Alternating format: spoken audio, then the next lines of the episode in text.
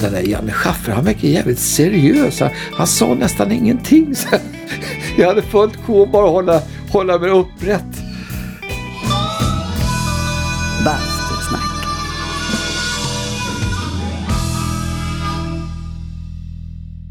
Hej och välkommen till säsongens sista bastusnack. Podden där jag, David Jandytski, sitter med mina vänner och bekanta och som namnet antyder snackar i bastun. Det har hunnit bli 14 avsnitt men nu tar jag semester. Planen är att dra igång höstsäsongen någon gång i augusti men vem vet? Om jag får feeling och det dyker upp någon tillräckligt intressant kompis i bastun i sommar så kanske det blir ett sommarprogram också. Kolla gärna in Facebook-sidan Bastusnack för extra material kring podden. Det kan vara bilder och länkar och ja, allt möjligt skoj. Man kan också mejla mig på bastusnack popfabriken.se om man undrar något. Och gillar ni podden får ni hemskt gärna gå in på iTunes och lämna ett omdöme och kanske skriva en recension. Det skulle göra mig jätteglad. Dagens avsnitt bjuder på ännu en gitarrist. Mannen som har spelat på fler plattor än man kan räkna till visar sig förvånande nog komma ihåg nästan varenda namn på dem han har spelat med. Det kommer ni snart att höra. Så att eh, nog snackat. Vi kliver rakt in i bastun och avsnitt 14 med Janne Schaffer.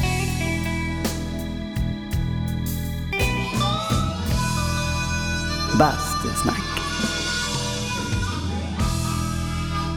Men jag tycker det är kul att du fortfarande ligger på, på listan där. Var, var, var I det? Tyskland. Tyskland. Eller vad säger jag, I Holland. England. I England. England, ja. Det, det, det gör jag så det det är jag så- lite, lite stolt över. Det är ju skithäftigt. Ja. BGO Records. Mm. Releases in June, May och April. Där kom min platta med. Mm. Top 10 albums. Johnny Rivers och sen är det John James, Skid Row, Redbone. Det är lite mer kända. Mm. Där är det en bluesplatta. Andy Williams. Och där ligger jag.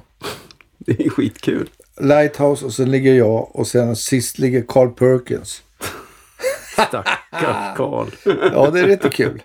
Bra blandning. I, I England är detta. Fan vad kul. Det är härligt. Ja. Hade du trott det för... Fan, håller du på, hur länge har du på? 45, 50? Hur länge många år? Ja, hörru du, Det det beror på 45. hur man räknar. Eh, eh, jag har räknat, jag började min yrkesverksamma karriär där 1970. Mm. Jag höll ju på, jag, det är faktiskt 60 år sedan jag byggde min första gitarr. Alltså jag byggde en gitarr i träslöjden i Blackebergs läroverk. Eh, för jag var intresserad av slöjd helt enkelt. Min, mina föräldrar höll på med musik. Min mamma var pianlärarinna. Min pappa spelade fiol och de möttes på musikhögskolan eller Acke som det hette på den tiden då. Och eh, så föddes jag 1945 men, och min mamma försökte få mig att spela piano. Men hon hade ju elever i vårt hemmet och jag hörde alltså de här skalorna fyra, fem, sex gånger per dag. Och, jag, så, och det, när man hört det flera veckor, vet, de här trevande skalorna. Och så försökte mamma få mig då att, ska inte du spela Jan? Ska du inte? Hon sa alltid Jan till mig, hon sa aldrig Janne.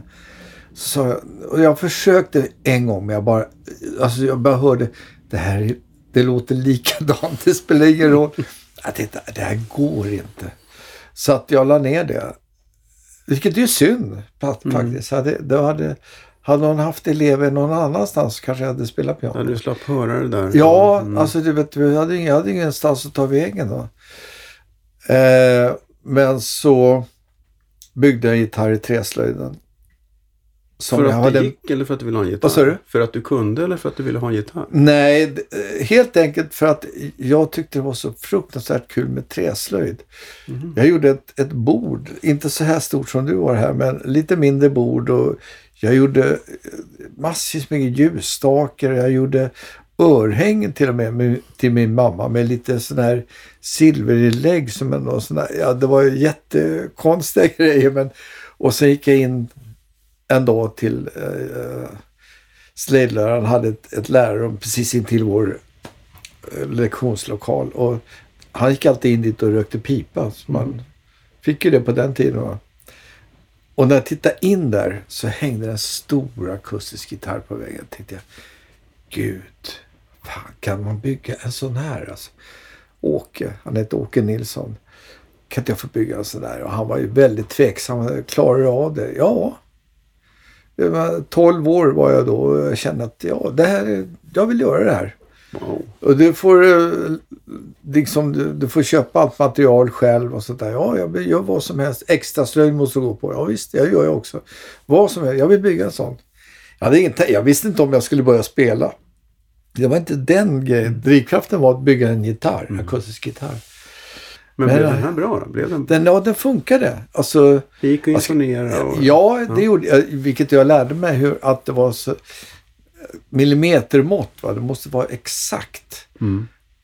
Och det är, så, det är så kul också för jag har ju suttit med och jobbat med Hagströmstipendiet. Va? Albin Hagström. Och hans första gitarrer, han hade han, han, hade, ju- han började med dragspel och sen så blev inte det inne längre. Så att, och där har han en massa pärlemor kvar. Så han tyckte han, jag bygger, jag bygger en elgitarr istället. Det är bra. Då rit, tro, han, ritade av, han såg en elgitarr på, i någon tidning någonstans och ritade av och trodde att det är bara att rita av. Det är inget konstigt där. Fast inte en gitarr som stämde i banden. Så jag vet verkligen hur noggrant det är att det ska stämma i bandet. Och, och, eh, så att det var, nej, men det var kul att göra den här grejen. Så, så man, om man blir erbjuden att köpa en väldigt tidig Hagström ska man alltså låta bli? Det kan ju finnas Det- andra, alltså nu har jag förstått eh, att det, det är inte alltid kvalitet är, är kvalitet utan det kan, vara, det kan vara olika saker. Att även om det är lite snett och kantstött och blir... eh, Det man köper ett gammalt in, där frimärke, en banko eller vad det heter Mm, för någonting. Va? Som är feltryck. Va? Då kan det vara oerhört mycket Mm. värt. Va? Fast det är fel egentligen. Va? Så det, vet- det vet man ju inte. Men, eh, nej, jag, men jag är jätteglad att jag byggde den där gitarren. För jag, jag köpte en sån här ackordbok också då. Och så kände jag att det här är ju mitt instrument. Mm. I och med att jag hade musik hemma fast det var klassisk musik så kände jag att det här var någonting att bygga vidare på. Eh, min mamma gjorde eh, konsert med, Hans Leigroff. Med honom träffade jag aldrig. Men eh, han var, min pappa var ko- kompis med han som var konserthuschef då. Och hans bror spelar ju cello med, med eh, Stockholms eh, kammarorkester Mm. som det hette. Som, som min pappa spelade med. Som var en, en fritidsorkester. Liksom alla bara hade andra yrken och sådär. Men det var ju... Jag satt ju och lyssnade snällt. Begrep ingenting men, men eh, det var ju mycket musik. Så att det, var, det var först när jag hörde Elvis Heartbreak Hotel som jag kände oj, kan det låta så här? Det här var ju häftigt. Så att då var jag helt såld på den typen av musik då som jag sen kommer att jobba vidare in i. Och det var ju det var jättekul och, och Såg du någonsin Elvis live?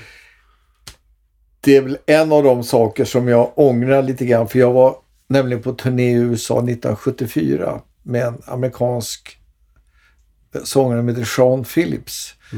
Jag, och jag träffade pianisten igår, Peter Robinson som var med där. Så, som var med eh, spelade med originalinspelningen på Jesus Christ Superstar. Och det var även basisten som heter John Gustafsson som kom från Liverpool. Och eh, han har med, spelat med Roxy Music och eh, spelat med eh, Big Three tror jag de hette också. Sådär, som han satt och lyssnade på på 60-talet.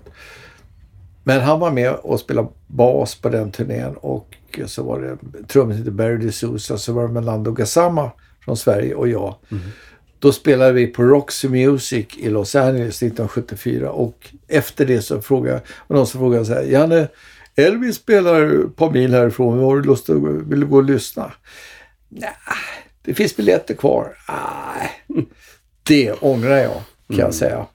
Det skulle klart jag skulle åkt dit och tittat på det. Det är Det är slut lite så när man jobbar med musik att man inte alltid orkar lyssna på Nej. mer musik. Nej, det, det, det måste vara något speciellt. Liksom. Ja. Det måste lyfta på något sätt sådär. Men eh, jag var och lyssnade på Pat Metheny nu alldeles Mm. bara för par veckor sedan. Det var ju fantastiskt. Alltså vilken gitarrist det är.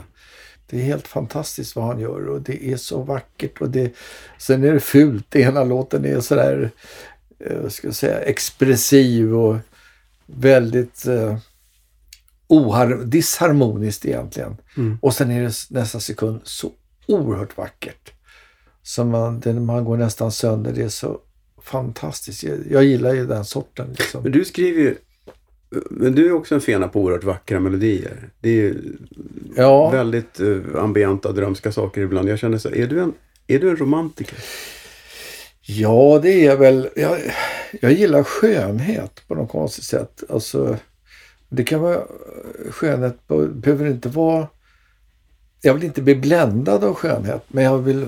För det får inte vara för sockersött, utan det ska vara stilfullt, vackert, med mening på något sätt. Mm. Och jag är ganska, ska jag säga, eh, jag, är inte, jag köper inte allt som är vackert sådär, utan det måste vara, ha en viss inre känsla. Och, och det som Pat Metheny gör, det tycker jag är oerhört vackert. Och, och det finns en linje, det finns en intelligens i, i den musiken. Och eh, jag försöker också göra sån, den typen av musik som jag själv känner att jag kan, själv kan stå ut med.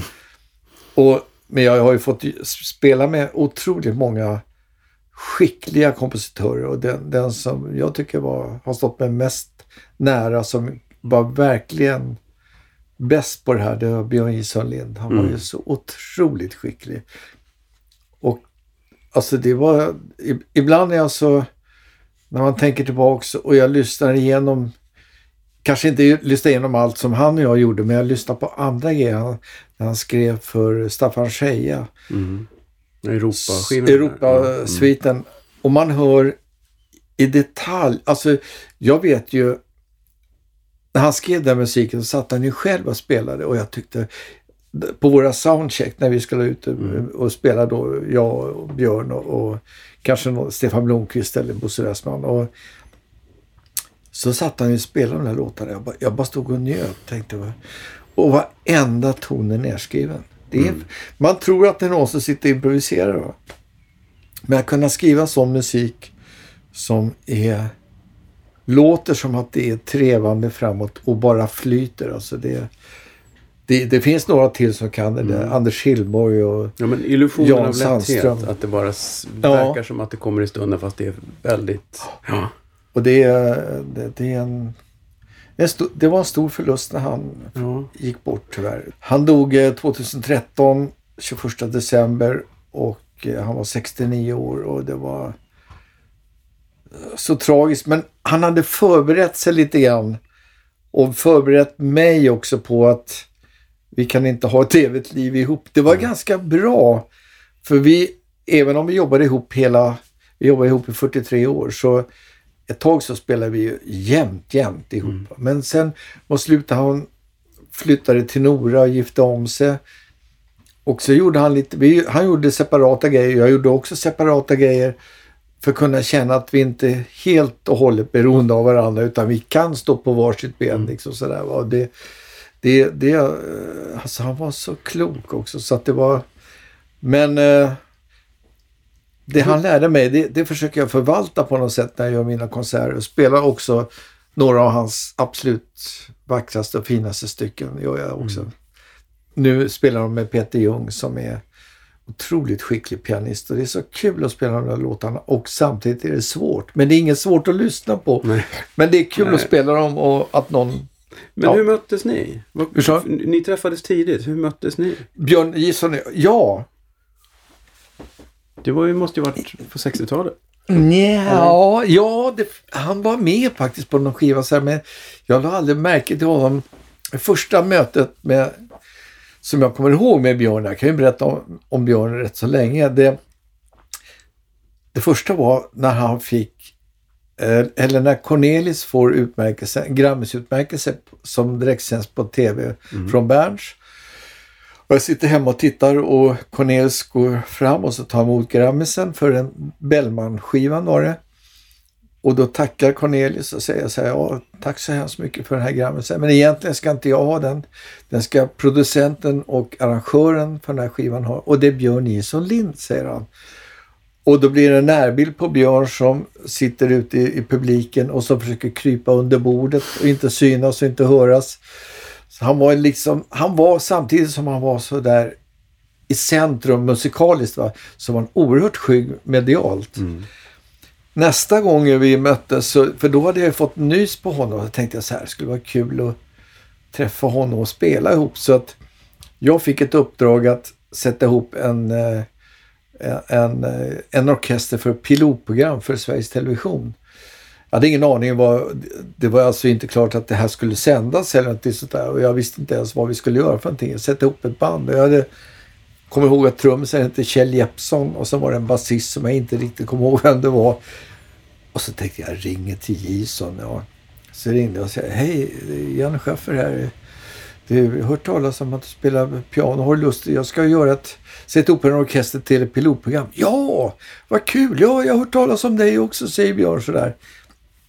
Ja, ja, det är på Lästmakargatan. Det låg två våningar under jord. Alltså mm -hmm. nere i källaren mm. låg det där. Deras, det var Sveriges Televisions egen inspelningsstudio då, på den tiden.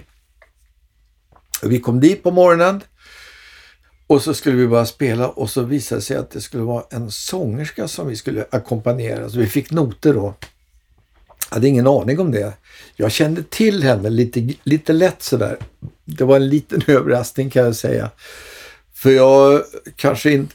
Jag hade, om jag hade fått välja sångare eller sångerska så jag kanske inte valt just den sångerskan. Mm.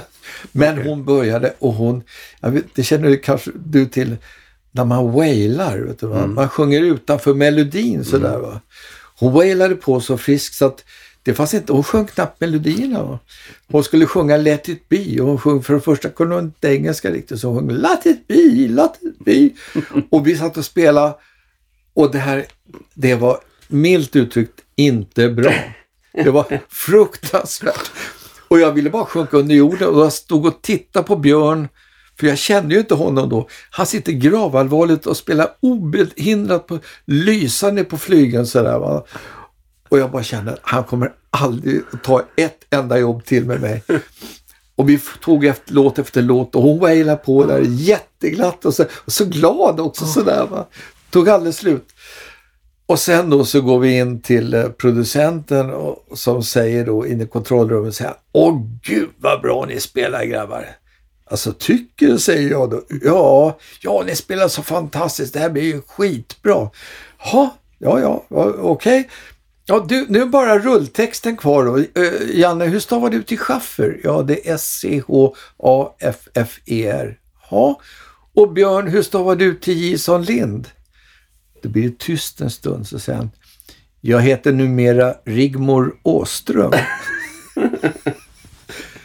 Jaha, säger han då. Han blir jävligt konfunderad. Och säger ja, det är mitt nya artistnamn så jag ska lansera det i Europa. Kan du skriva det? Rigmor Åström, piano, flöjt. så vore jag tacksam. Bastusnack det är ett av de bästa tv-programmen som jag med, både Björn och jag. Det var ett program som hade eh, Leif Strand, körledare och arrangör, mm. hade arrangerat eh, och vi, det var, jag tror Leif Strands kör, kammarkör var med och så var det Göran Fristopp och så var det en av de bästa sångerskorna som jag har hört som eh, heter Radka Tonef. Mm. Jag vet inte om du har hört henne? Nej. Nej. Ah, Alltså hon, det var så fruktansvärt bra. Alltså vi stod inne på, eh, på Mosebacke och spelade och eh, det var, alltså det var, och, och det var en tjej som var producent som jag inte kommer ihåg vad hon hette. Men hon lät kameramännen plocka bilder själva. Hon styrde inte dem. Och det, den här lilla klubben Mosebacke såg ut som det var en jättestor sal. Va? För de plockat mm, jättefina bilder. Ja. Ja. Och Radka Tonev sjöng och det var liksom det, hennes röst som många andra sångerskor, Helene Sjöholm inte minst, rakt in i hjärtat. Och sen så hon var ihop med Arild Andersen eh, som mm. basist. Mm. Men sen tyvärr så tog hon livet av sig. Det var väldigt sorgligt. Väldigt tidigt också. Hon Men, gjorde inte många plattor. När var det här? kan det ha varit eh, 70, eh, slutet på 70-talet någon gång. Mm. Det var, det var en sån här... Det, om du inte har hört henne, lyssna, så gå ut och lyssna på Mm. henne ska få höra. Mm. Oerhört vackert. Vi se om det finns något på, Väldigt känsligt. på Ja. nätet som man kan lägga, lägga upp på Facebook-sidan och länka till. Alltså. Nya. Det, var mång, det var många, alltså hon, satte hon hittade en ny stil. Det var många svenska sånger, jazzsångerskor som lyssnade in henne. Jag eh, skulle misstänka att Helena har lyssnat på henne också. Det får vi kolla. Radka Tonev, Ja. norsk sångerska.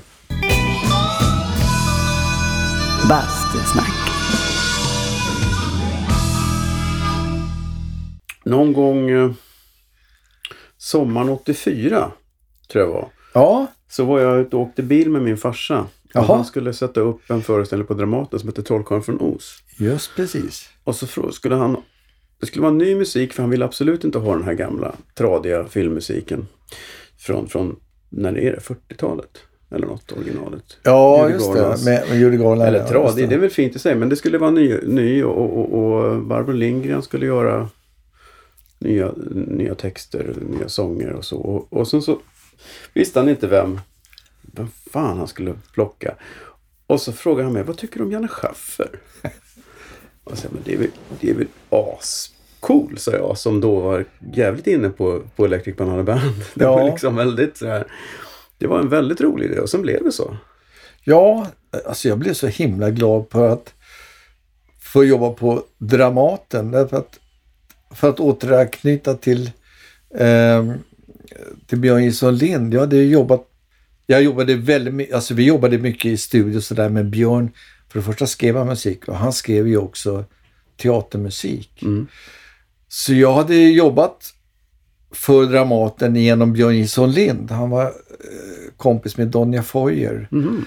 Och eh, han hade gjort musik till Hamlet med Janne Malmsjö i huvudrollen.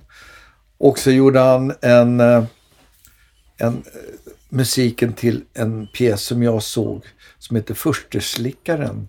Just det. Och eh, jag, gick på, jag gick och såg den föreställningen också på lilla scenen.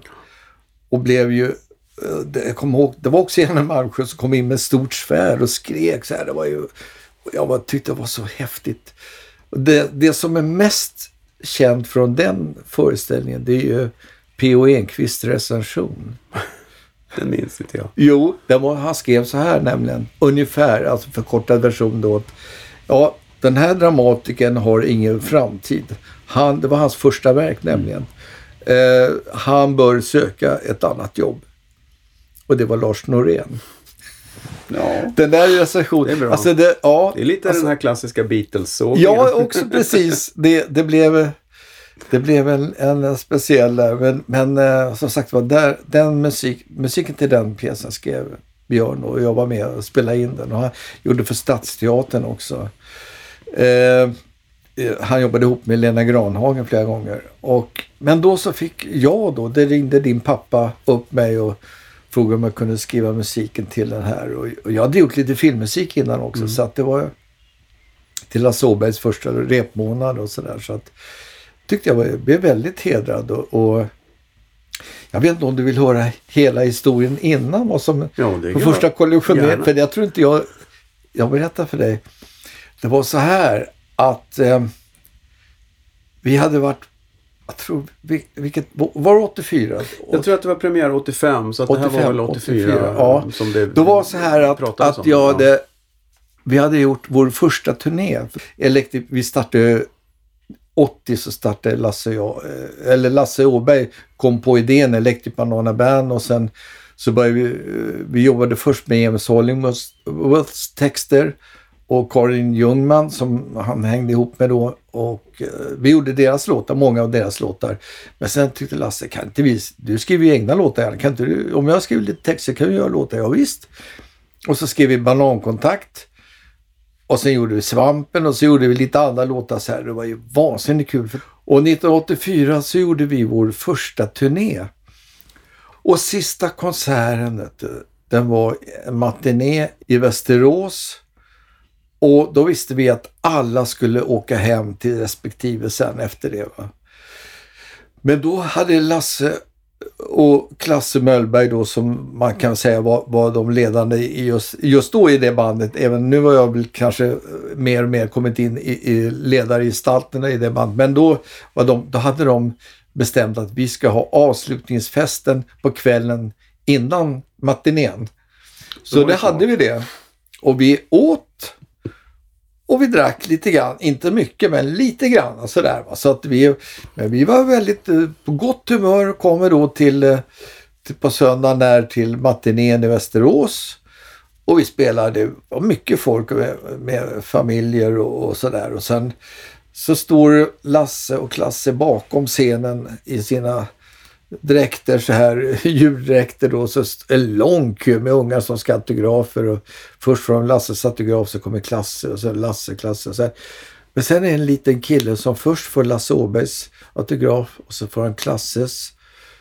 Och då vänder han sig om och så springer han mot mamma så här tvärs över hela planen så här. Mamma, mamma, bananer luktar bensin.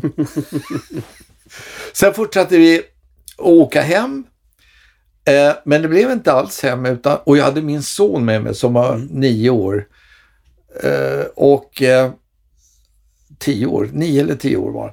Och, sen, och då trodde vi att vi skulle åka hem. Det, det gjorde vi inte utan vi, först så stannade vi i Enköping och där blev det förrätt med lite drink och sådär. Sen drog inte bilen alls hem utan den åkte vidare till Café Opera. Såklart. Och där var det en stor middag beställd och det var bara det att då satt ju min dåvarande fru och, och Fredriks mamma hemma och väntade med, med middag och det visste jag. Så då säger jag till Fredrik så här, Fredde, kan, inte du, här då, eh, stoppa ner en krona här, eh, telefonautomaten, kan väl du ringa till mamma och bara säga att vi är på Café Opera? Ja. Så han ringer då, hej mamma, här, här är jag, vi är på Café Opera. Och så blir jag alldeles tyst, så jag blek och säger, mamma är sur. Jaha, oj då. Ja, Otippat. men det var ju, men det var ju så, alltså det fanns inte möjlighet att bryta det här. Va? För att han tyckte att det var så fruktansvärt roligt. Så, att- så, att vi, vi, han hängde med lite. Det var bra att Ja. han hängde med. Ja. Sen så åker jag hem och tack och lov att han var med för det blev ingen sen kväll. Jag åkte hem. Och då är det så här att jag skulle på morgonen dagen efter hade jag väntat länge för jag skulle åka, jag hade gjort en skiva i eh, USA, eller ja, spelat delvis i USA. Och jag skulle åka eh, göra en video. Och jag skulle, det var inte bara en ställe, jag skulle åka jorden runt Oj. på, och jag skulle åka det, det var en, en, amerika, eller en svensk producent som hade gjort den här skivan och skulle liksom, du ska, åh, det blir skitbra vet du, du ska åka jorden runt vet du. Så jag, väntar på min biljett hela Det tiden. låter som va. en bra budget. Ja, det kanske man kan säga. Eh, i, i, grejen var det att den här personen, jag vill inte riktigt tala om vem det är, men, men eh, han hade fixat på något mystiskt sätt alltså en, en sån här resa på Pan Am i första klass. Så vi flög bara Pan Am. Men jag visste inte, jag hade inte fått någon biljett. Så när jag då något trött kommer hem så ser jag att det ligger ett fax till mig där hemma. På den tiden var det fax, det var inga mail på den tiden. Och jag stod suddigt eh, att det var eh, någon, jag skulle flyga till Rom dagen efter. Så att på morgonen så tänkte jag så här, jag var väldigt trött kan man säga, lite bakis också. Så jag tänkte, jag åker absolut inte ut till Arlanda nu och sätter mig och så finns det ingen biljett. Så jag ringde ut till Arlanda och sa, finns det en biljett till mig? Och så, ja, svarar då någon vänlig röst där ute. Vi ska se här. Jo då, det, är- det är en biljett här till Rom, tur och retur. Fast ett ögonblick. Den är bara betald enkel. Jaha. Jaha, så vad händer då? Ja, du kommer ut, du kommer ner till Rom, men du kommer inte tillbaks. Ja, Okej, okay. jag åker ut då. Så jag åkte ut till, till Arlanda. Och eh, eh så flyger jag ner, och det var jag också, jag var jättetrött, flyger ner till Rom. Och där ska jag mötas då den här amerikanska producenten, skivbolagsdirektören som, var- och så hans ja, fru var med också. Och det är ingen som är där. Och det, äh, här finns inga mobiler, ingenting. Nej, Så att jag tänkte, jag sitter i Rom, inga lire, ingen, det fanns ju inte ens euro. Det fanns, jag hade inga stålar, alltså pengar hade jag men inte, inget kreditkort, ingenting. Och sitter på flygplatsen där. Det tar en och en halv timme så kommer då producentens fru.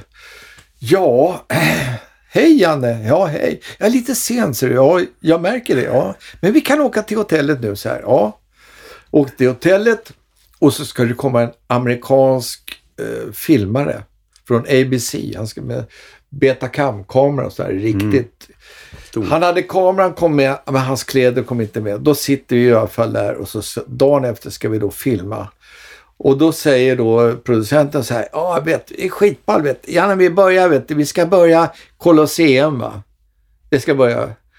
Men då säger något från ett italienskt bolag där också som ska ge ut den här plattan och säger de så här, ja men det är så här att den italienska kommunistledaren har just avlidit och halva stan är avspärrad för Arafat kommer hit, Gromyko kommer och det var en massa Kissinger och allt möjligt sånt där. Så att det kommer inte vara, det går inte att komma fram någonstans.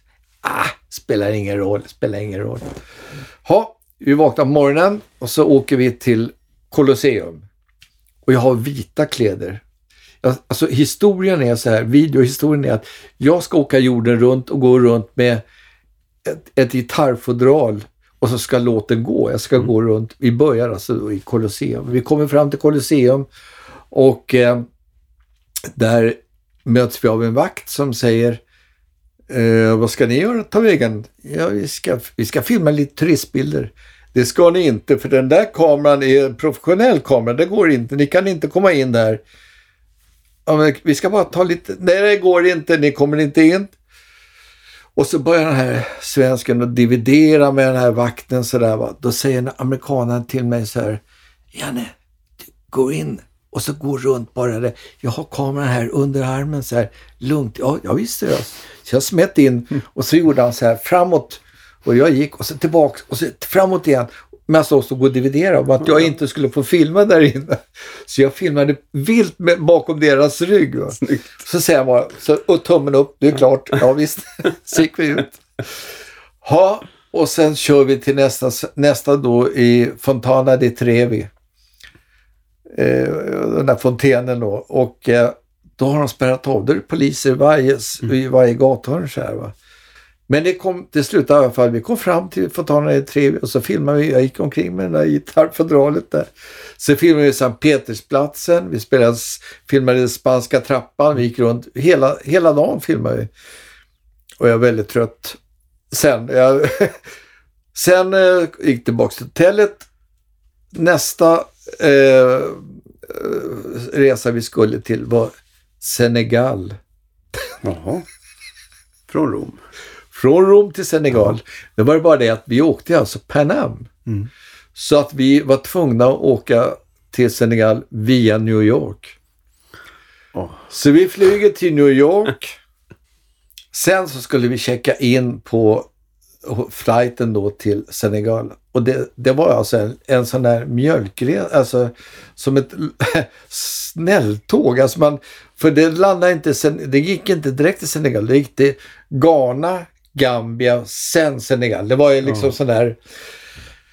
Då visade det sig att det fanns inga första klassbiljetter.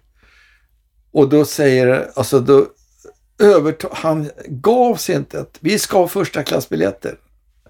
Ja, och till slut så kommer alltså högsta chefen på Kennedy Airport, färdman, ut och så säger han vi måste, vi måste åka med första klass. Ja, ni får två biljetter först. Vi flyttar två passagerare. Får ni, två där i andra klass, två i första klass.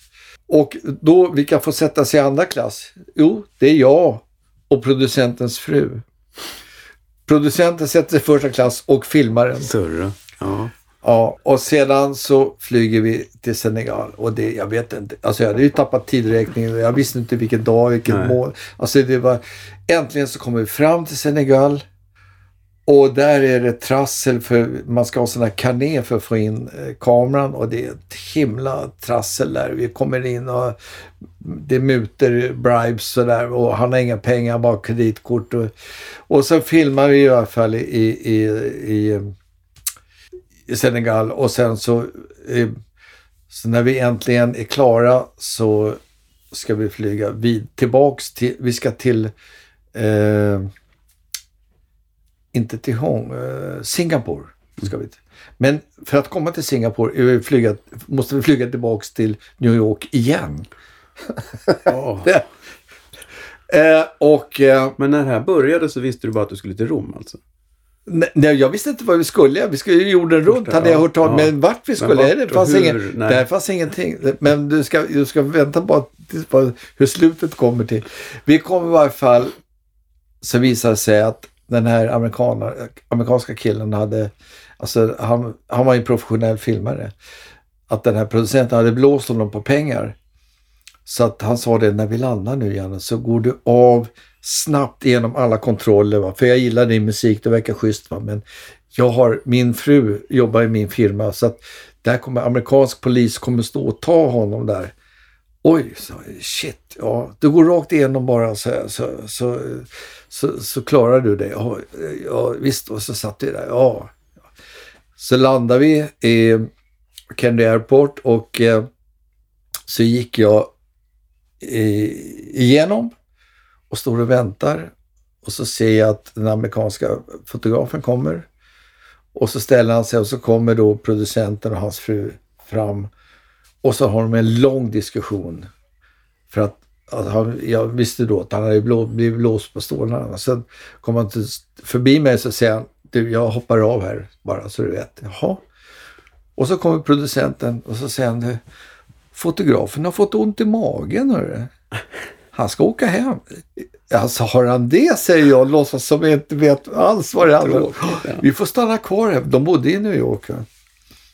Sen är vi där i två dagar och sen så, så säger han, "Vi- får skita i Singapore igen. Vi åker till San Francisco. Jag har fixat en ny fotograf. Jaha. Så åker jag och producentens fru ut till Kennedy Airport så sitter vi och väntar. Och då är det så här att eh, det här planet som vi ska åka med då till San Francisco, det, vi, missar det. Men däremot så planet kvar. För det har blivit bombhotat. Hoppsan. Det står kvar. Och då kommer producenten lite sent och säger ja, hej! Hej, hej! Ja, alltså, så står planet kvar? Ja, det, det är det så här. Ja, ja, då kan vi åka med. Nej, vi kan inte åka med, så Det går inte för att nu, nu, jag törs inte åka med det här planet utan nu tar vi nästa plan imorgon istället. Okej, okej, och du bestämmer igen. Ja, ja. Och så vill jag ha en biljett tillbaks till Stockholm för att jag ska nämligen ha möte på Dramaten. Jaha, ja, ja, ja. Så vi ligger kvar i New York en natt och sen så åker vi vidare då till San Francisco så filmar vi i San Francisco. Och sen då så flyger vi tillbaks till Kennedy Airport. Och där får jag äntligen då en biljett tillbaks till Stockholm via Frankfurt. Och när jag kommer tillbaks till Stockholm så jag, alltså, jag, kan, jag, jag kunde inte stå, jag hade alltså inte druckit nästan en droppe. Va? Men jag satt i en stol och jag tyckte att taket, det rör sig så här. Va? Du Det åkte fram och tillbaks Ja, tids. det, jag hade den värsta jetlag jag någonsin varit med om. va. Då har jag ett möte på Dramaten med din pappa. Ja. Yngve Gamlin, Barbro Lindgren och ska sitta och prata om musiken till Trollkarlen från Nos. Och jag sitter där och så, jag- så tänker jag så här, det tar nog inte så lång tid. Så jag sätter mig ner där och det, hela, hela rummet bara snurrar runt. Så, jag- och jag känner, jag kan, inte- jag kan knappt prata. Jag säger ja, hej allihopa. Ja, "Ja, vi ska vi gå igenom lite grann hur jag ska göra, hur ska musik. Ja, och jag, vi hade ju tänkt igenom vad jag skulle göra, hur jag skulle göra, läs boken och sådär. Och sen började Yngve Gamlin att berätta stories. Det tog aldrig slut. Och det bara, alltså hela rummet bara snurrar, snurrar mer och mer. Men sen kommer jag ihåg att det var någon som sa så här, "Äh, den där Janne Schaffer, han verkar jävligt seriös. Han, han sa nästan ingenting. Så här. Jag hade fullt sjå bara hålla, hålla mig upprätt. Det var fantastiskt. Men det, det är sånt där minne. Jag skulle kunna berätta mycket, mycket. Jag har förkortat Ja, den här historien ja. ännu mer. Men det var otroligt eh, kul. Och det var så det började. Ja. Och sen var det en av de roligaste grejer jag har gjort. Att få göra musik till det här var ju fantastiskt. Ja, det var, Det var skitkul. Ja, för mig var det den första. Jag var, jag var ju på Dramaten då och, och, eh, och, och, och, och Trollkarlen skulle göras och så. Jag var inte alls inblandad i det från början. Men sen så kom de ju på då att de behövde ju någon som skulle, skulle köra ljudet. Och, och eh, då fick jag jobbet som operatör. Jag blev upplärd där av en kille som heter Uffe Murtberg. Just Som jag tror du känner. ja. Eh, som jobbade på Hamburger Börs också. Som också tog dit mig första gången. Det var då jag förstod att där ska man ju jobba. Vilket jag har gjort några år. Men, men det var så kul för att eh, det var så roligt att få jobba med dig som första, eh, första jobbet jag gjorde någonsin. För att för dig var det så, det var så skön inställning. Det var som att det var första gången. Ja, så kan vi göra. Vad kul! Hela tiden. Och jag kände att jag hade en sån förbaskad tur att jag fick jobba med dig första gången. För att mm, han har jobbat med en och annan genom åren som inte riktigt har haft den inställningen. Och hade man haft otur och börjat med vissa andra så hade man kanske inte fortsatt i den här branschen. För det är inte alltid fullt lika lätt. Nej. Men du hade en så skön inställning till att ja, vad roligt. Och det är just den här inställningen som jag tycker om som är det är ju bara musik. Det ska ju vara kul. Det är ju den inställningen. Musik är det roligaste för mig och musik ska vara lek och det ska inte vara svårt. Det ska, och är det, alltså jag har spelat med flera stycken otroligt skickliga kompositörer och ibland när man sitter och, och känner att det här är lite svårt, ja men då ändrar vi. Hur, hur känns det? Ska vi ändra så här? Ja, och anpassa sig efter, har du, det är flera stycken, Palle Mickeborg var en sån och Jason var också en sån. Mm. Att, att, att göra det så att det blir så att man, för det, det är ju hela tiden att man gör grejer ihop. Mm. Det blir väldigt mycket svårare om det kommer någon in diktatoriskt och säger så här ska det vara, punkt och slut. Det måste göras utan att man får, alltså, man har ingenting att säga till om, man ska bara lyda. Det har aldrig, och då är jag är ju likadan. Jag tycker det har man, med, har man handplockat musiker och, och studiotekniker så då vet man ju att de kan ju sitt och då, då kan vi kan säkert om vi jobbar ihop och jag plockar det som är bra, du är bra på och sådär. Den inställningen har jag alltid haft och, från början. Och det var väl så när jag började som mest då med Björn och Benny att det var ju alltid så här, har, har du någon idé liksom? Så där var jag väldigt öppen och med Ted Gärdestad också, som, det är väl mest de typiska och Jason, att man, man, man känner att man gör någonting ihop och då, då blir allting väldigt mycket enklare. Ja, men det är ingen prestige i det. Nej. Det är bara roligt. Och Ja. precis vad det är kul och sen kan man ju säga att nej, det här blev inget bra, vi kan, det här får vi ändra på. Och sen, Mm. man, man söker sig fram hela tiden men det är ju inte att man, det, ska, det ska ju vara lust, kreativitet och, och, och, och för att det ska kännas bra. Jag kommer också ihåg att det sa din pappa till mig också att det, det finns ingen, inget orkesterdike så du måste göra allting, lägga allting på tejp. Men det var ju också så här att det, det var svårt på Dramaten för att folk skulle komma in rätt. Så att det var en musiker, Mm. Just det. Torbjörn Eklund. Så han spelade både flöjt och keyboard och han dirigerade in alla. För nu kom, så vi, han satt, vi hade ju manus, det var cuer, då skulle det komma in och, så att de kom in sjö, rätt och sjöng också så där. Så han satt och smög någon, vid någon, gömd plats där nere. det. Ja. Nej, det, var, det här var ju vansinnigt roligt. Jag skulle gärna ha gjort något mer men det blev aldrig något mer där, tyvärr. Bastusnack. Men det finns några kvinnor som jag också är väldigt stolt över och det är Barbro Hörberg. Ja, du jobbar med henne? Det Jag jobbar med henne. Eh, ja, jobbar, alltså, och jag har blivit intervjuad både för en bok och ett tv-program. Men jag har inte kunnat tillfört så mycket därför att jag bara med och spelade med på de två sista plattorna. Mm. Eh, det ena var, eh, jag tror, arrangeras av Bengt Hallberg och den an- sista var Bernt Egerblad. Och den sista plattan kommer jag ihåg speciellt därför att det var så fantastisk stämning i studion. Det var, uh, ska jag säga, en sån speciell atmosfär. Man kunde nästan ta på spänningarna i luften så här. Va? Och man kan inte... Alltså, eh, hon vill inte kanske... eh, Hon sjöng, hon sjöng talsjöng lite mer. Mm. Men texterna var ju så fantastiska. Så att det är alltså... Och jag känner att det är få gånger man känner att hon vänder sig till kvinnor. Och det är så, jag sitter fortfarande och lyssnar på de här plattorna och tycker det är så bra. Det är så hur, alltså nu ska inte jag berätta vad allt vad de handlar om de här texterna, men de är så berättande och de vänder sig till eh, hur en kvinna upplever. Sen har jag läst hennes bok som kom ut alldeles nyligen och den har beskrivit en hel del där eh, som jag förstår att, eh, jag förstår mer när jag läser om henne. Men jag lärde aldrig känna henne. Det, det, ibland har man ju telefonnummer till vissa som man har jobbat med. Men henne hade jag aldrig telefonnummer till eller träffade bara i studion. Men hon var väldigt speciell och stack ut. Men hon försvann för tidigt. Hon Hon fick mer. cancer alldeles Ja. för tidigt. Och det var det alla visste när jag satt i studion där. Att den här stämningen, atmosfären måste bero på att alla visste att hon var dödssjuk. Jaha. Men Mm. jag visste inte det. Så att det, var, det var speciellt. Bastusnack. Du har varit med kompa Frank Zappa. Nej.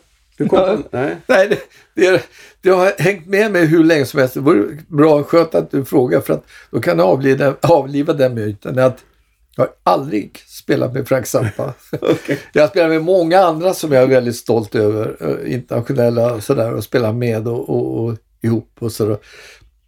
Men Frank Zappa stod jag endast på, och på poppascenen och studerade när hans hela bandet står. Han står och dirigerar alla och han har gjort massa moduler som Alltså när han gjorde ett stycke så kunde han plötsligt bara, nu är nummer 16, så här. och 16 skulle alla komma ihåg.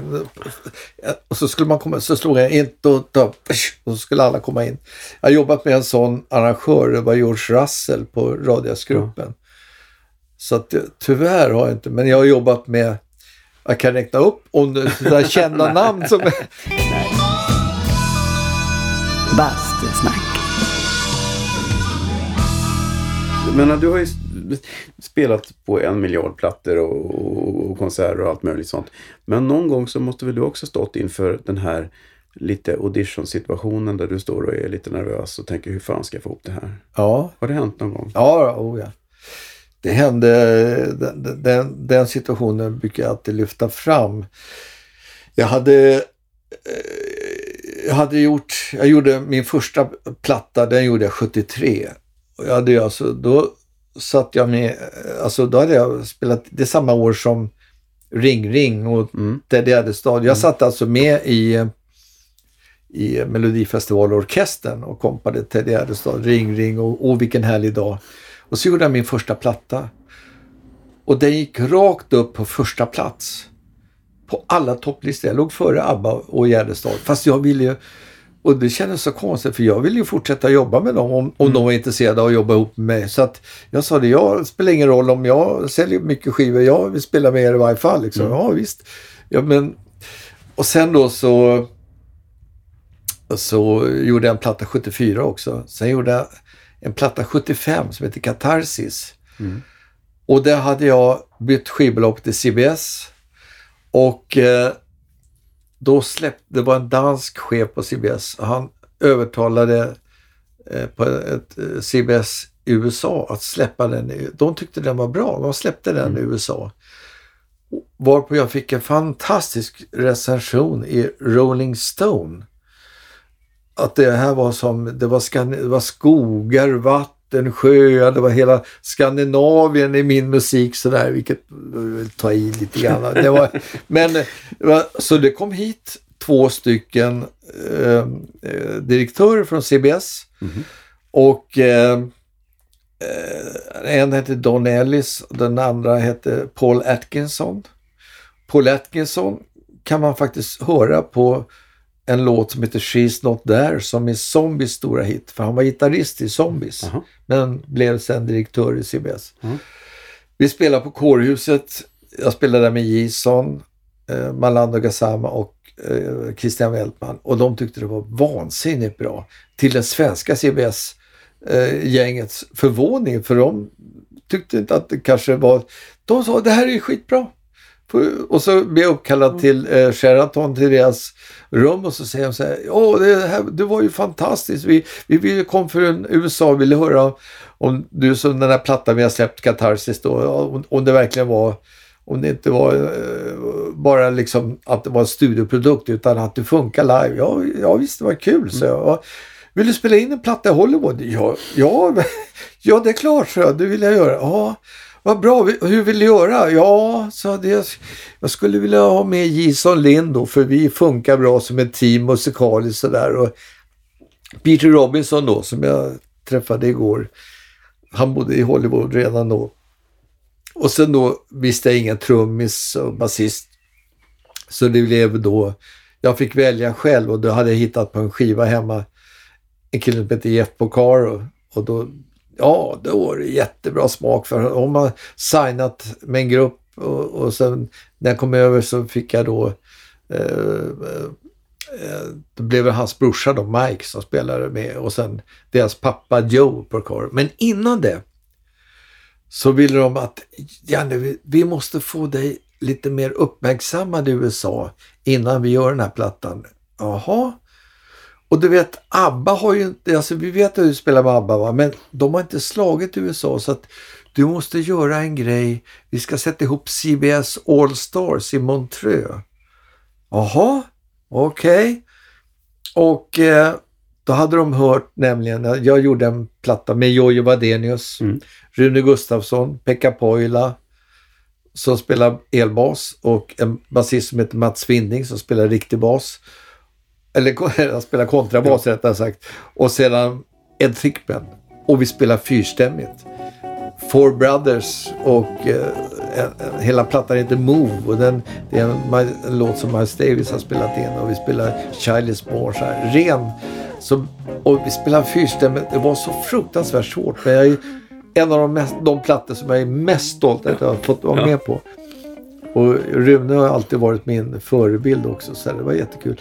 Och det hade de hört så de sa vi ska göra så här, vi ska, du ska spela med eh, John McLaughlin, Ald Miola och Santana. Ni fyra ska spela ihop det, stämmer va? Ja, då sa jag så här, kan man få noter i förväg? Nej, vad fan, det där fixar du. Det är lugnt, det är inga problem. Men, ja, men, alltså, det hade gjort när plattan vi hade i Sverige. Där. Vi tittat på noterna och ja. övat lite grann innan. Och så det skulle jag- gänget. Jag visste att, ja. Och jag var så fruktansvärt nervös när jag skulle åka. Jag skulle spela då i Montreux. Va? Eh, och jag visste att det skulle vara CBS Allstars. Den enda jag visste skulle, skulle vara med, det var Stan Getz. Mm. Som jag alltid har beundrat så mycket. Och uh, visste han skulle vara så sträng var det någon som sa också. Så där. Och eh, hela svenska CBS var ju, alltså ingen följde. Annars brukar det alltid vara någon representant från skivbolaget med, men det var ingen som följde med mig. Så jag flög ner själv. Och då, då hade jag också frågat så här också innan, får man spela något eget där? Nej, det får inte spela något eget. Du måste spela men de tar fram noter och grejer, det, det ordnar du. Vet jag. Shit, jag tänkte så här. Man visste ingenting och det här var alltså tre dagar innan konserten. Det var inte bara konsert, det var eh, radioinspelning och tv-spelning och skivinspelning. Ett, en tagning. That's it liksom. Det första man kommer ner eh, som det är stormöte då med alla musikerna och då, det första man hör är, är någon som har några egna låtar med sig.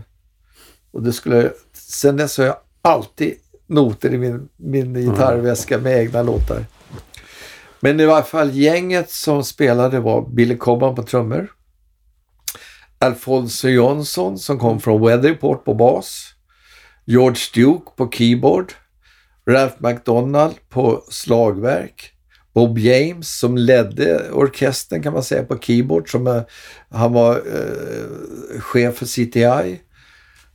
Och alla som var på CTI egentligen var färgade fast han var vit. Och det visste inte jag men de hade, det var en sån här marknadsföringsgrej. Man ville inte att han skulle avslöjas att alla skulle tro att han var färg. Men det var han inte, han var vit. Sen var det då eh, Maynard Ferguson på första trumpet. en fantastisk trumpetare med DeWardy Shaw som tyvärr inte lever längre. Sen var det Dexter Gordon på sax. Stan Getz på sax. Eh, eh, sen var det Hubert Laws på flöjt. Och så var det eh, trombon, Slide Hampton. Och eh, jag kommer inte ihåg, jo, Peter Erskine som nu, Mm. han var alltså andra trummis bakom Billy Cobham. Som om det skulle Jag skulle, behövas. ja, precis, men det, konserten var fem timmar lång. Det var, det var så att man Vilket växlade. gäng. Ja, det var ett helt Det är otroligt bara gäng. legender. Ja, Liksom. Och ja. Och det, utanför. Ja, men i vilken fall som helst så, eh, så, kom, så säger de så här, du ska spela eh, först, du ska spela i öppningslåten. Ska jag? säga ja. Jaha, okej. Och eh, första solot var Stan Getz. Andra solot var när underbara trumpetaren Woody Shaw och tredje solot skulle vara jag.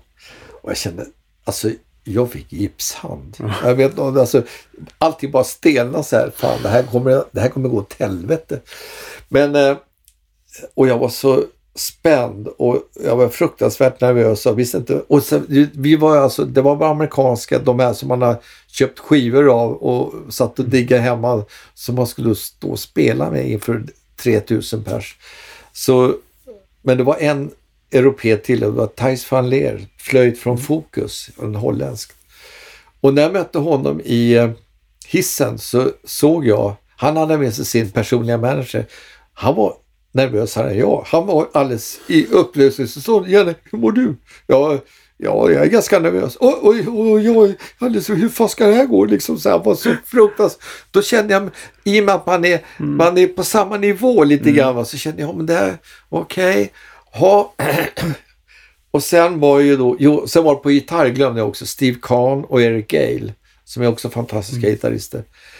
Eh, Steve Kahn har lirat mycket med, med Steely Dan och Eric Gale har spelat med alla, jag höll på att säga, mycket med Paul Simon och sådär. Men, men i varje fall eh, så kommer jag ihåg också att jag frågade vad är det som gäller? Jag skulle inte få något betalt men så frågade de vad, telefon och sådär. Vad, vad är, ja, bara du inte ringer till Japan i fem timmar så går, kan vi bara ringa. Vad fint. Så det var enda räddningsplankan. Jag hade telefonen för jag kunde ringa hem till Gison. Jag ringde till Halkan. Jag ringde till Pelle Salberg, vår gamla slipsåsbasist. Och alla ville, hur, hur går det Janne? Åh, det, det går nog bra, liksom. jag tror det.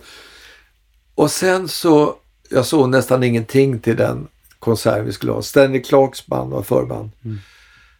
Men så går vi in och ska göra ett soundcheck och det ska vi göra på den här första låten då. Och då säger Billy Cobham faktiskt så här att Janne, om du vill blåsa på, vet du, gör det bara liksom. Ja, men du har ju hört han hade kommit från Mahavishnu med John McLaughlin. Du har hört alla toner som finns. Hur fan ska jag komma med då? Liksom så här. Ja, men blås, jag backar upp det, jag backar upp det, okej. Och då var det lite sådär lättare.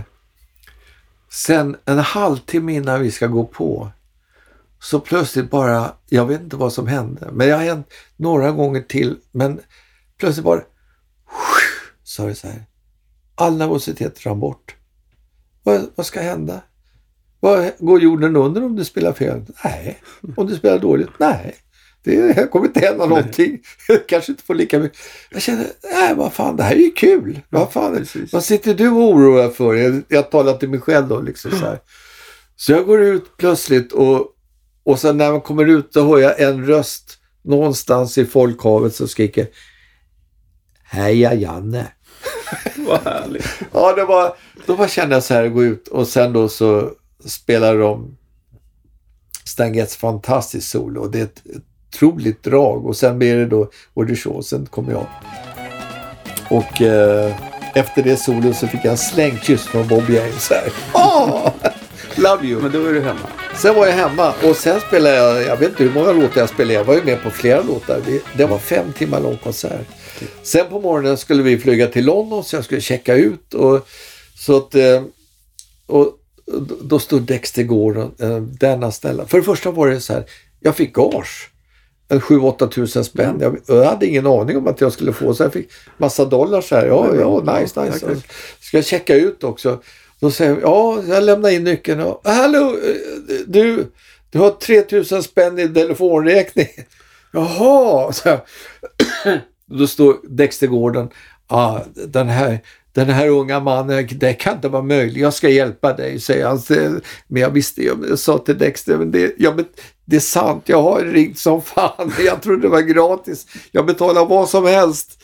Jag är klarare liksom. Det var verkligen examen. Alltså jag kände att det här och sen var sen gjorde vi samma grej i London och då, då, då var det, gick det hur bra Mm, som helst. Så att, eh, Ja, men då var Då- ni kompisar redan. Då Ja, liksom- då hade vi liksom vunnit och då sa du nu, nu får du biljetter, nu ska du spela in i, i Hollywood. Ja, ja, vad kul. Ja.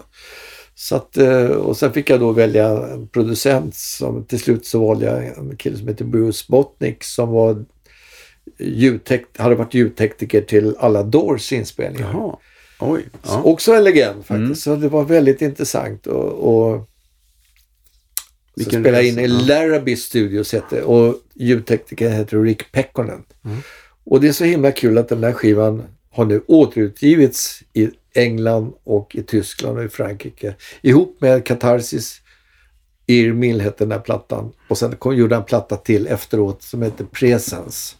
Och där finns musiken till Lasse Åbergs första film med också. Och den, den ligger på någon slags lista så där spelas ute i Europa. Det är oerhört stolt över. Ja, men det Så himla tacksam. så här 40 år senare. Ja, precis. Du, är det sant förresten det där med Ermil hörselmat? Eh, det var någon som sa till mig att det var Janne Forsell som Mm. kom på.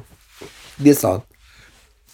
Det är han, eh, Janne Forsell var med på, när vi, jag gjorde min första platta då, den rasade upp på första plats på alla försäljningslistor, eh, överallt. Så jag, jag ville ju, jag hade svårt att gå ut som frontare eller frontman. Jag hade ju vant mig vid att vara studiomusiker så att eh, jag hade, eh, visste inte vad jag skulle göra. Och då hade jag börjat, för jag hade spelat på Björns platta innan. Och han fick en liten hit på en låt som heter My Machine. Mm. Och så var han med på min platta och då, då sa vi så här, ska vi inte, vi kan väl slå oss ihop och så tar vi med Stefan Brolund på bas och Ola Brunkert som var med på bådas plattor så här. Och så, och så vill Janne, då ville Janne Forsell vara med. Ja, och så ska den heta Hörselmat, säger Janne Forsell. Han döpte flera av mina låtar också. Och då sa han, och då på den turnén, vi gjorde en turné som började i Kiruna gick ner till Helsingborg, rakt genom hela Sverige. Och då sa Janne, han skulle spela slagkongas då, men han sa det att det som hade slagit igenom då, det var det här hemma hos, Mm. som var väl ett slags, eh, ska vi säga, underground. Det var, gick sent på kvällarna, P3, som det var på den, fast inte P4. Och det var Kjell Arlinge och Janne Forsell. Och oerhört bra musik och sen så speciella sketcher som Ja, gjorde. det, det finns ju på platta, det är ju underbara sådana här nonsens, eh, Ja. fullständigt vansinniga. Och då var ju bara det att ingen visste hur Janne Forsell och Kjell Arlinge såg ut. Va? Så när vi kommer in på scenen, eller Janne går in först då, så här lång och sen ställer han går fram till, telefon, eller till, telefon, till mikrofonen och så börjar han prata. Och plötsligt säger han, ja men där är han ju! Där, alla kände igen hans Ja, röst. Va? Och så fick han säga vad som helst. Man kan säga att det var en början på stand-up som han gjorde där. Han sa, han klämde ur sig mest vansinniga grejer. Tyvärr så Sen, kom, sen började, kom vi in och så började vi spela då massvis med låtar från de här plattorna. Mina plattor, Björns plattor. Men när vi kom till Uppsala, vi, hade, vi drog hela den här kustlinjen ner. Så var vi tvungna att gå in och rädda för han, det, han började med då, det var ingen bra mening. Det enda jag kommer ihåg, han var, han går in, det första han säger är för fan för Norrland. Och det var Norrlands nation vi skulle Ja, spela. inte bra. Visste inte han. Nej, det var väldigt pinsamt. Jag fick gå in och ta tillbaka allting för att men han var så turnétrött. Va? Han, han var ju inte Nej, van vid att turnera. Men och sen slutade det med att i, när vi kom till Helsingborg som var sista giget sa han inte ett ljud. Han hade tröttnat. Gå in och kör musik över. Ja. Det har blivit dags för Skämskudden. Herregud vad pinsamt. Skämskudden. Nej, inte den där gamla demon. Har du någon skämskudde? Ja, eller ja, det, och det jag skäms egentligen inte men, men det, man hamnar ibland i situationer som man inte kan som in- inte, man kan inte säga man är tvingad men, men man styrs in i dem och har svårt att, att backa ur. Och det var ju så här att det första bandet jag spelade med, riktiga bandet, det var, då var med Ted Åström. Mm. Och sen då så träffade vi en, en, em, en eh, han var che- artistchef på Berns, Olle Edlund. Och då fick vi kompa en sångerska som hette Ann-Katrin Widlund. Och då fick vi spela in en låt som hette Bonden och kråkan. Mycket speciell låt kan man väl säga. Sådär. Det var då, alltså då var det marknaden styrdes av de här producenterna. Och då tyckte de här att, att vi då, unga killar, alltså de här killarna, de spelar ganska bra. Så fick vi bedömningen då så att vi skulle få ett skivkontrakt. Skivbolaget heter Dux. Och eh, producenterna hette Göte Wilhelmsson, som fortfarande lever. Och den andra var Peter Himmelstrand. Och då säger de så här, ni får göra en EP va? Och ni får göra en låt från er ordinära, ordinära eh, repertoar. Resten skriver vi. Alltså en låt av fyra får vi spela. Den heter Bristol Express och den, den, eh, den gjorde, var en instrumentallåt då. Då skulle det vara tre sånglåtar.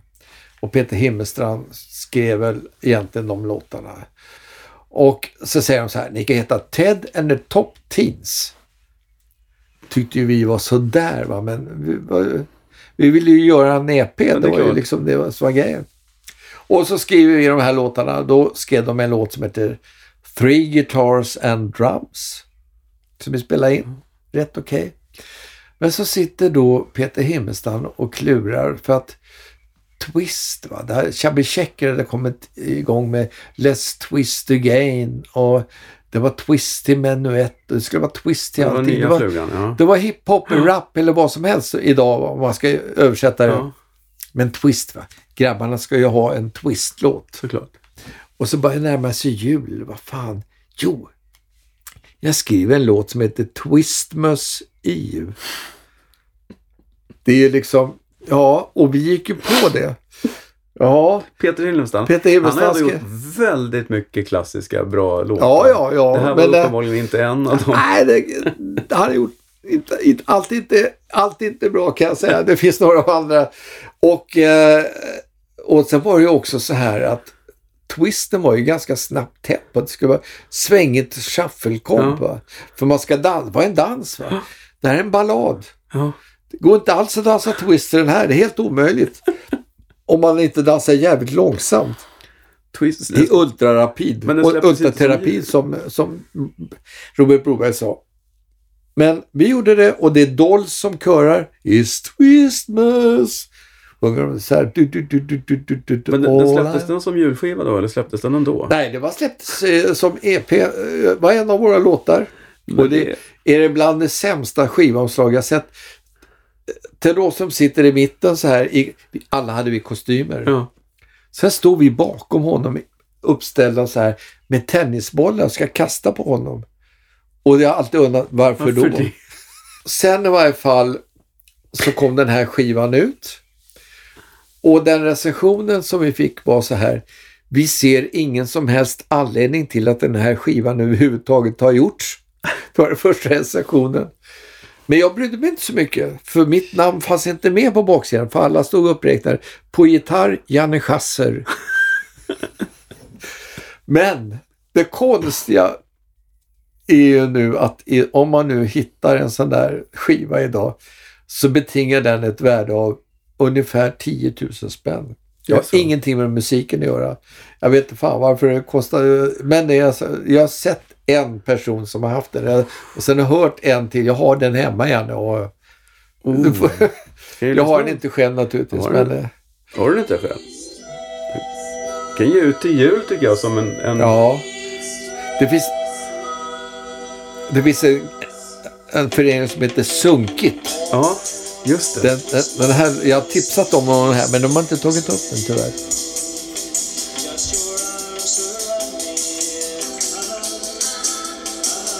Ja. Men det är ju tur att du fick eh, göra några andra plattor också sen. Annars hade karriären kanske slutat. Nej, precis. Kunde sluta med bra. Ja. Bastusnack. Det är så hett nu med Ted Gärdestad. Ja. Så.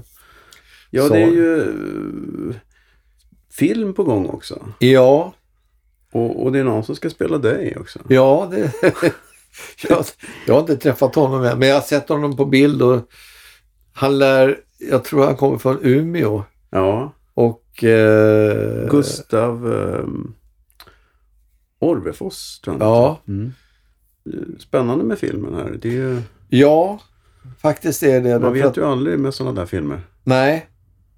Jag Men- håller tummarna men jag litar på Hannes. Jag sa Ja. det i morse på tv att jag tror att Hannes har, är klok man och kan göra det här jättebra. Ja, För det är inte så lätt och det är så många känslor. Det är så oerhört känsligt ämne. Ted, hela hans liv, hans person. ja. Det var en känslig, skör människa som var otroligt livsglad i början. Och vi hade så fruktansvärt kul. Och så slutade det i totalt kaos. Ja, jag minns en gång på 90-talet när, när eh, du var på turné med Ted. Eh, när han gjorde lite comeback där kan man väl kalla det för. Den här um, Äntligen på väg-plattan. Ja, Så kommer jag ihåg att jag träffade dig ute och så alla visste ju liksom att man visste inte så mycket om Ted. Man visste att han var lite speciell och, och så. Mm. Att han var lite så här, eh, man beskyddade och skyddade honom. Och då frågade jag, men, men hur, jag kommer ihåg att jag frågade dig, hur funkar det att turnera med honom nu? Och så att, jo, men han, han har börjat spräcka upp. Ibland är han till och med med och spelar kort. Och det var liksom verkligen, eh, jag kände att du, du tog honom, han hade inte kunnat åka om inte du hade varit med tror jag. Nej. Men, och sen var det så här, det var nog något enstaka jobb tror jag. För att jag var inte med så mycket sen. Han hade, de hittade ett band i, i Eskilstuna som Jaha. spelade med honom sen. Mm. Men, men eh, det enda jag kan säga är att han blev ju, när plattan äntligen blev klar, så blev han ju väldigt glad och, och kände sig som att jag klarade det. Det var, Mm. det var, jag tror att han ville sätta sig själv på prov. Kan jag göra det här? Och det var ju väldigt svårt att få... För det första så kände inte jag... Jag var, visste inte riktigt heller om jag var rätt person att göra det här. Så att jag kände att eh, jag tipsade honom om en annan producent då, som började med, som, in, som hade svårt att, Och, och, eh, hantera Teds psykiska ohälsa. Men jag hade kanske något lättare för att eftersom jag hade en bror som hade psykisk ohälsa som dog då 83. Men, och det var därför jag också kände att så här, är det här rätt? Eh, min bror hade ingenting med musik att göra, inte ett dugg. Men han mådde väldigt, väldigt dåligt. Och när man har varit med om en sån här grej en gång så känner då är man, då är det, då har man en erfarenhet som man har lärt sig någonting av. Jag känner bara lär sig av det här. Och det, det, var, ja, det, det tog många år innan jag liksom ens kunde prata om det. Men eh, och då när jag mötte Ted så såg jag vissa paralleller med, med det där. Men det alltså varje människa är en individ och det, varje människa drabbas på olika sätt. Det är, så, alltså det är lättare om man drabbas av, eh, vad ska vi säga, eh, en infektionssjukdom. För då vet man hur man ska bota den. Och till och med cancer i vissa former kan man ju bota. Man vet hur man ska behandla det. Men psykisk ohälsa, vilket jag säger, jag säger inte, jag vet att man har då satt diagnosen schizofreni och jag kan inte säga, jag kan ingenting om psykiatri för fem öre. Men jag pratar med flera psykiatriker och jag är väldigt tveksam till om jag skulle, om jag skulle sätta diagnosen schizofreni på TED. Därför att då, är, då har man alltså en eh, identitetskris. Man vet inte vem man är. Man, plötsligt är man helt en, en helt annan person. Det kan finnas vi- vissa ytterligheter men jag skulle vilja säga att han hade drabbas av djup depression och psykoser. Och det, det var min bror som samma sak. Eh, men så kände jag också att det här med musik kanske att, att få honom att jobba med musik kanske funkar som terapi och det tror jag faktiskt att den sista skivan gjorde. Att han fick ur sig, han fick, kunde sjunga texterna om, om tid faller hårt, skär djupa sår, allt mjukt kläms, kläms åt, tid faller hårt. Som jag tycker är en oerhört stark låt. Tid faller hårt djupa sår. Allt mjukt kläms åt. Tid faller hårt. Och, och sen då genom det här, för jag sen kände jag ju, ju mer att det, det, det var oerhört svårt att få på hans sång. Det var det jag satt uh, jag med någon första digitala grejen som hette ADAT som var en föregångare som eh, jag knappt visste hur det skulle funka. Men Kenneth och jag satte ihop och så, så la han på sång. Han orkade nästan bara sjunga en, max två låtar per gång. Och vi fick plock, klippa och, och ta i bitar och så han kunde ta no, en vers eller, och så fick vi ta om den och så klippa ihop. Och, men eh, det gick och jag, det är en, också en av de skivor som jag är oerhört stolt över att jag fick vara med och hjälpa honom med. Jag hade ju, gett, jag hade ju sett honom från allra första början. Och sen ser det här, det är, det är ett drama bara det i sig. Och när man dessutom jobbar så intensivt med det här och skivbolaget ringer och säger att vi lägger ner alltihop. Och det vägrar jag göra. Och då sa jag att det här är viktigt, det här måste bli klart. Då, då ta bort min, mitt arvode. Jag, jag jobbar gratis med det här men det måste vara, det här måste bli klart för det här känns så viktigt och betydelsefullt för framförallt Ted så att eh, jag vill bli klar med det här. Och jag är också överhuvudtaget ovillig att ge upp liksom. Det där. Det, man måste ju, man kan inte bara, när man börjar någonting, påbörjar någonting så vill jag slutföra det också. Och det, sen, eh, det- här var ju 94 då, sen levde han ju ett par år men det blev tufft ändå. Det är långt, jag skulle kunna analysera mycket mer men jag känner att jag kan, det är mest det här som jag ändå varit mest i kontakt med så att säga. Jag, tror att det hjälpte honom ett tag i vilket fall som helst. I varje fall blev Ja. plattan klar och jag kände att han hade lättnad. Alltså, när det gäller min bror så slet jag som ett djur ett halvår för att försöka. Jag förstod att precis vartåt det här pekade. Men eh, det var helt omöjligt om man inte satt sig på honom. Och jag, alltså det, ibland så undrar jag också om, om man inte kan, om man inte funderar på vad är det för, för det är väldigt många som gör det här. Det är väldigt många som tar livet av sig varje vecka. Ett otal människor. Och det är kanske också finns någonting kyla alltså jag upplever att det kan vara ett kyla i samhället. Att vi, alltså ju mer vi använder datorer, vi använder de sociala medierna, vi behöver inte ringa varandra, vi skriver inga brev till varandra. Utan vi, kontakten blir mera bara en vägg eller en dator eller en tv-apparat som når kontakt med omvärlden.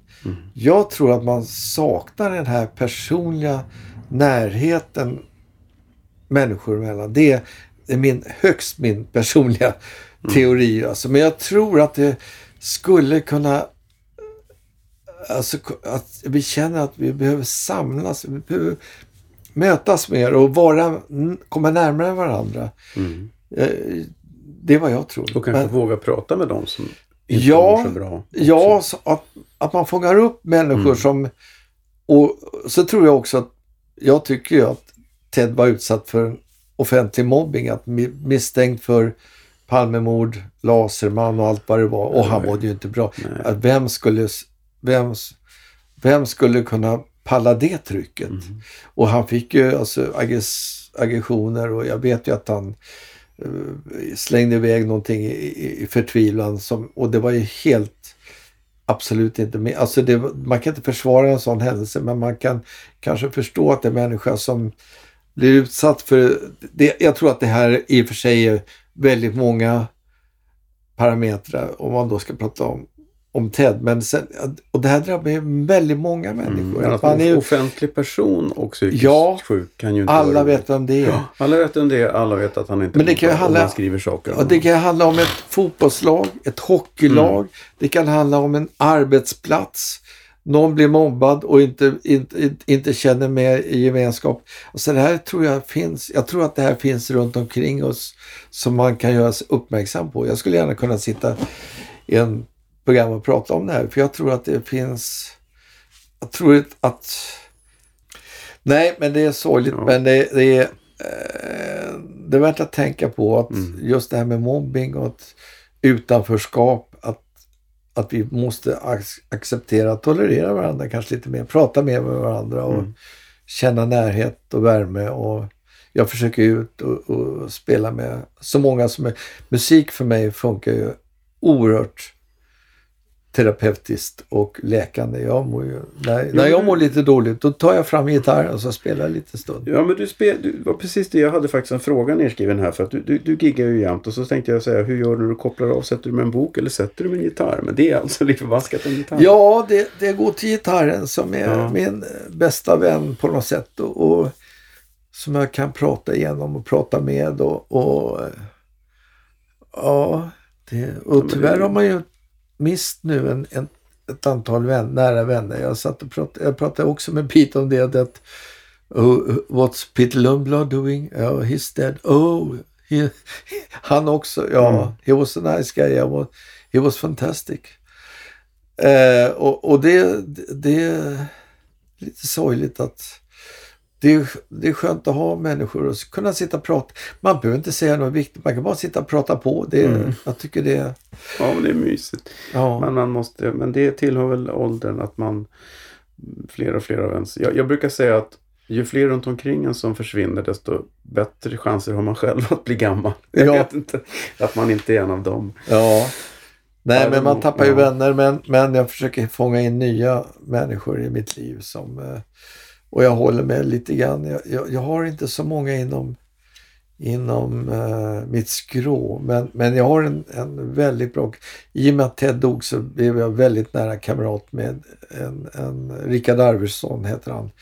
Som är professor i, i skatterätt Mhm. på Handelshögskolan. Och det är en väldigt fin kamrat. Och sen har jag en kompis som heter Janne Ugen som är ljudtekniker Mm. som vi jobbar väldigt mycket ihop med. Eh, inte jämt men då och då liksom med Electric Banana Band och det också. Och Lasse Åberg har jag också lite ibland. Vi pratar med varandra om ditten och datten Mm. och det är väldigt funderar lite över livet och det, det är skönt Det att ha sådana kompisar. Fördel att vara också i en bransch där man kan fortsätta jobba också. det är Där det inte fantastiskt. finns ett bästa för, liksom, för, Precis. för Man är ju, jag är så oerhört tacksam för att folk fortfarande hör av Ja. sig till mig och fortfarande vill att jag ska komma och spela. Och, och nu gör jag också, när, när unga tjejer och killar kommer och säger kan inte du spela någon gitarr på min låt? Jo visst. Vad- kostar det då? Ja, men alltså det, om du betalar studion bara så bjussar jag på det. Om, om jag gillar musiken så, och det gör jag nästan i 97 procent så gör jag det. Så att, tycker jag att det här är bra. Ibland så kan jag säga att det, jag tror inte att det passar med gitarr här. Jag ska ha någon flöjt eller saxofon eller något istället. Då. Men, men eh, det gör jag det för jag tycker det är kul och det är kul att de frågar mig också. Det tycker jag är rätt roligt. Bastusnack. Jag vill tacka dig för att det var, kul att du kunde komma hit. Ja, det var fantastiskt Ja, roligt. Jag kan sitta ja. här och prata hur länge som helst. Om du märker Men du är det. välkommen tillbaka Ja. när som helst. Det finns ö- nästa. öl och bastu. Ja, Det är, underbart. Det har regnat och det har varit sol och Ja. regnat. Ja, vi har Nu är det sol igen. Ja. gått alla årstider här. Så att, eh, Mm. ja, nu är det dags att gå i, känna om vattnet är varmt. Ja, det kan vi, kanske jag gör en annan dag. Men inte just Ja. idag. Men Ja. fantastiskt trevligt Toppen. David. Ja, Tack. jag är så glad att jag fick komma hit.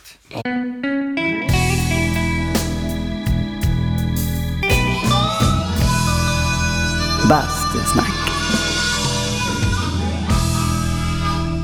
Ja, det var avsnitt 14 med Janne Schaffer. Eh, det var tillika även vårterminens sista avsnitt av Bastusnack.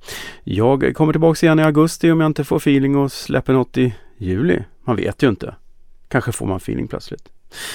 Jag kan för övrigt eh, på Schaffers eh, rekommendation rekommendera vidare att man kollar upp Radka Tonev som jag inte kände till som är en fantastisk eh, norsk jazzsångerska. Radka Tonev finns eh, på iTunes för den som vill lyssna. Jag eh, hittade även en eh, bild på skivomslaget från den fantastiska skivan Twistmas Eve på nätet som jag kommer att lägga upp på Bastusnacks Facebook-sida. Ja, då var det färdigsnackat för nu på ett tag. Hoppas ni får en skön sommar och basta försiktigt.